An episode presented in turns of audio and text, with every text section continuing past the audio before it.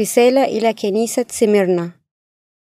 رؤية الإصحاح الثاني الآية الثامنة إلى الحادية عشر.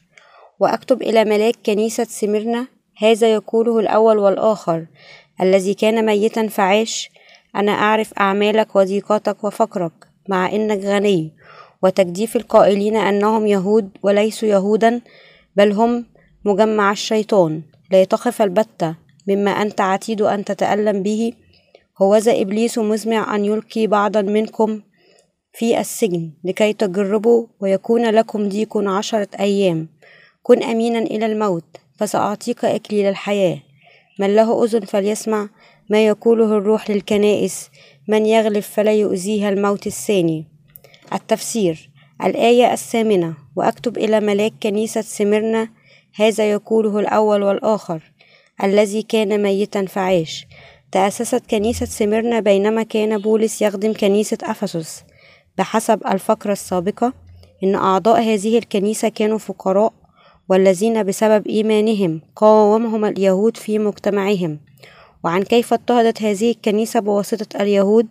هذا يمكن أن نراه في استشهاد بوليكاربوس الأسقف في عصر آباء الكنيسة. إن قديسي الكنيسة الأولين واجهوا اضطهاد ثابت من المؤمنين اليهود الذين رفضوا المسيح كالمسيا الخاص بهم. تأسست كنيسة سميرنا بواسطة بولس وبعبارة الأول والآخر الذي كان ميتا فعاش يشير يوحنا إلى الله الذي خلق العالم. ربنا الذي ولد من العذراء مريم. أخذ عليه خطايا العالم من خلال معموديته من يوحنا ودين لأجل هذه الخطايا بسفك دمه على الصليب. ثم قام من بين الأموات في اليوم الثالث وهو يجلس عن يمين الله. يتكلم يسوع لملاك كنيسة الله ليس فقط كمخلصنا لكن أيضا كالله القوي. الآية التاسعة أنا عارف أعمالك وضيقاتك وفقرك مع أنك غني وتجديف القائلين أنهم يهود وليسوا يهودا بل هم مجمع الشيطان. عرف الرب كل الصعقات التي تواجه كنيسة سمرنا وبالرغم من كونها كنيسة فقيرة ماديا إلا أن كنيسة سمرنا كانت غنية روحيا. عاش في سمرنا العديد من اليهود الذين وصفهم الله بالقائلين أنهم يهود وليسوا يهودا بل هم مجمع الشيطان. هؤلاء اليهود قدموا أنفسهم كآلات للشيطان ليستخدمهم لتنفيذ أغراضه. وهكذا أصبحوا معوقات للكرازة ببشارة الماء والروح. مضطهدين كنيسة الله.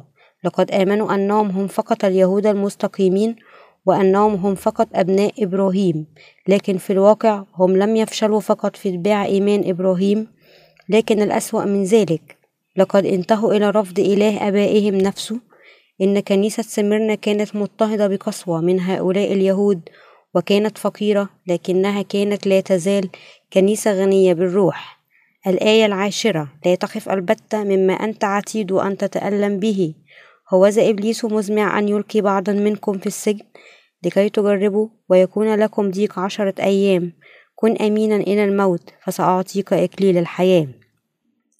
قال الله لكنيسة سمرنا لا تخف البتة مما أنت عتيد أن تتألم به. وقال أيضا كن أمينا إلى الموت. ووعد أنه سوف يعطي لهم إكليل الحياة. عرف الرب مسبقا أن الشيطان سيهدد بعض قديسي كنيسة سمرنا ويحاول أن يحطم إيمانهم. لأجل هذا وعد بأنهم إذا ظلوا أمناء له حتى الموت سيعطيهم إكليل الحياة. ما يخبرنا به الله من خلال هذه الفقرة هو أن خدام الله وقديسيه الذين يحيون في أواخر الأزمنة سوف يضطهدون أيضا بواسطة الشيطان وأعوانه لكننا سنكون لنا القوة أن نكون أمناء الله حتى الموت. لأن هذه القوة لأن هذه القوة تأتي لنا بوفرة من إيماننا ببشارة الماء والروح ورجاؤنا في السماء الجديدة والأرض الجديدة التي وعدنا الله بها. الآية الحادية عشر من له أذن فليسمع ما يقوله الروح للكنائس من يغلب فلا يؤذيه الموت الثاني. سيدخل المؤمنين في الأيام الأخيرة في معركة في مواجهة ضد المسيح وأولئك الذين يقفون ضد الله يخبرنا الله أن أولئك الذين لهم الرجاء في الإنجيل الحقيقي وفي السماء سوف ينتصرون بإيمانهم. لقد جعل الله كل مؤمن قادرا أن يتغلب على أعدائه وذلك بإعطائنا كلمة الحق والإيمان التي له. السؤال الوحيد المتبقي هنا هو ما إذا سنكون في صف الله وخدامه أم لا؟ رمي الإصحاح الثامن الآية الثامنة عشر. تخبرنا أن آلام هذا الدهر لا تقاس بالمجد العتيد أن يستعلن فينا. إن اضطهادنا بواسطة ضد المسيح وأتباعه سيستمر وقتا يسيرا ربما حتى عشرة أيام فحسب بالوثوق في الله يمكنك أن تتحمل هذه الفترة القصيرة من المعاناة وتتغلب على ضد المسيح. وتمجد الله وتنال ملكوته الأبدي. كمكافأتك لقد أعطى الله القديسين القدرة أن يفوزوا في المعركة أمام ضد المسيح.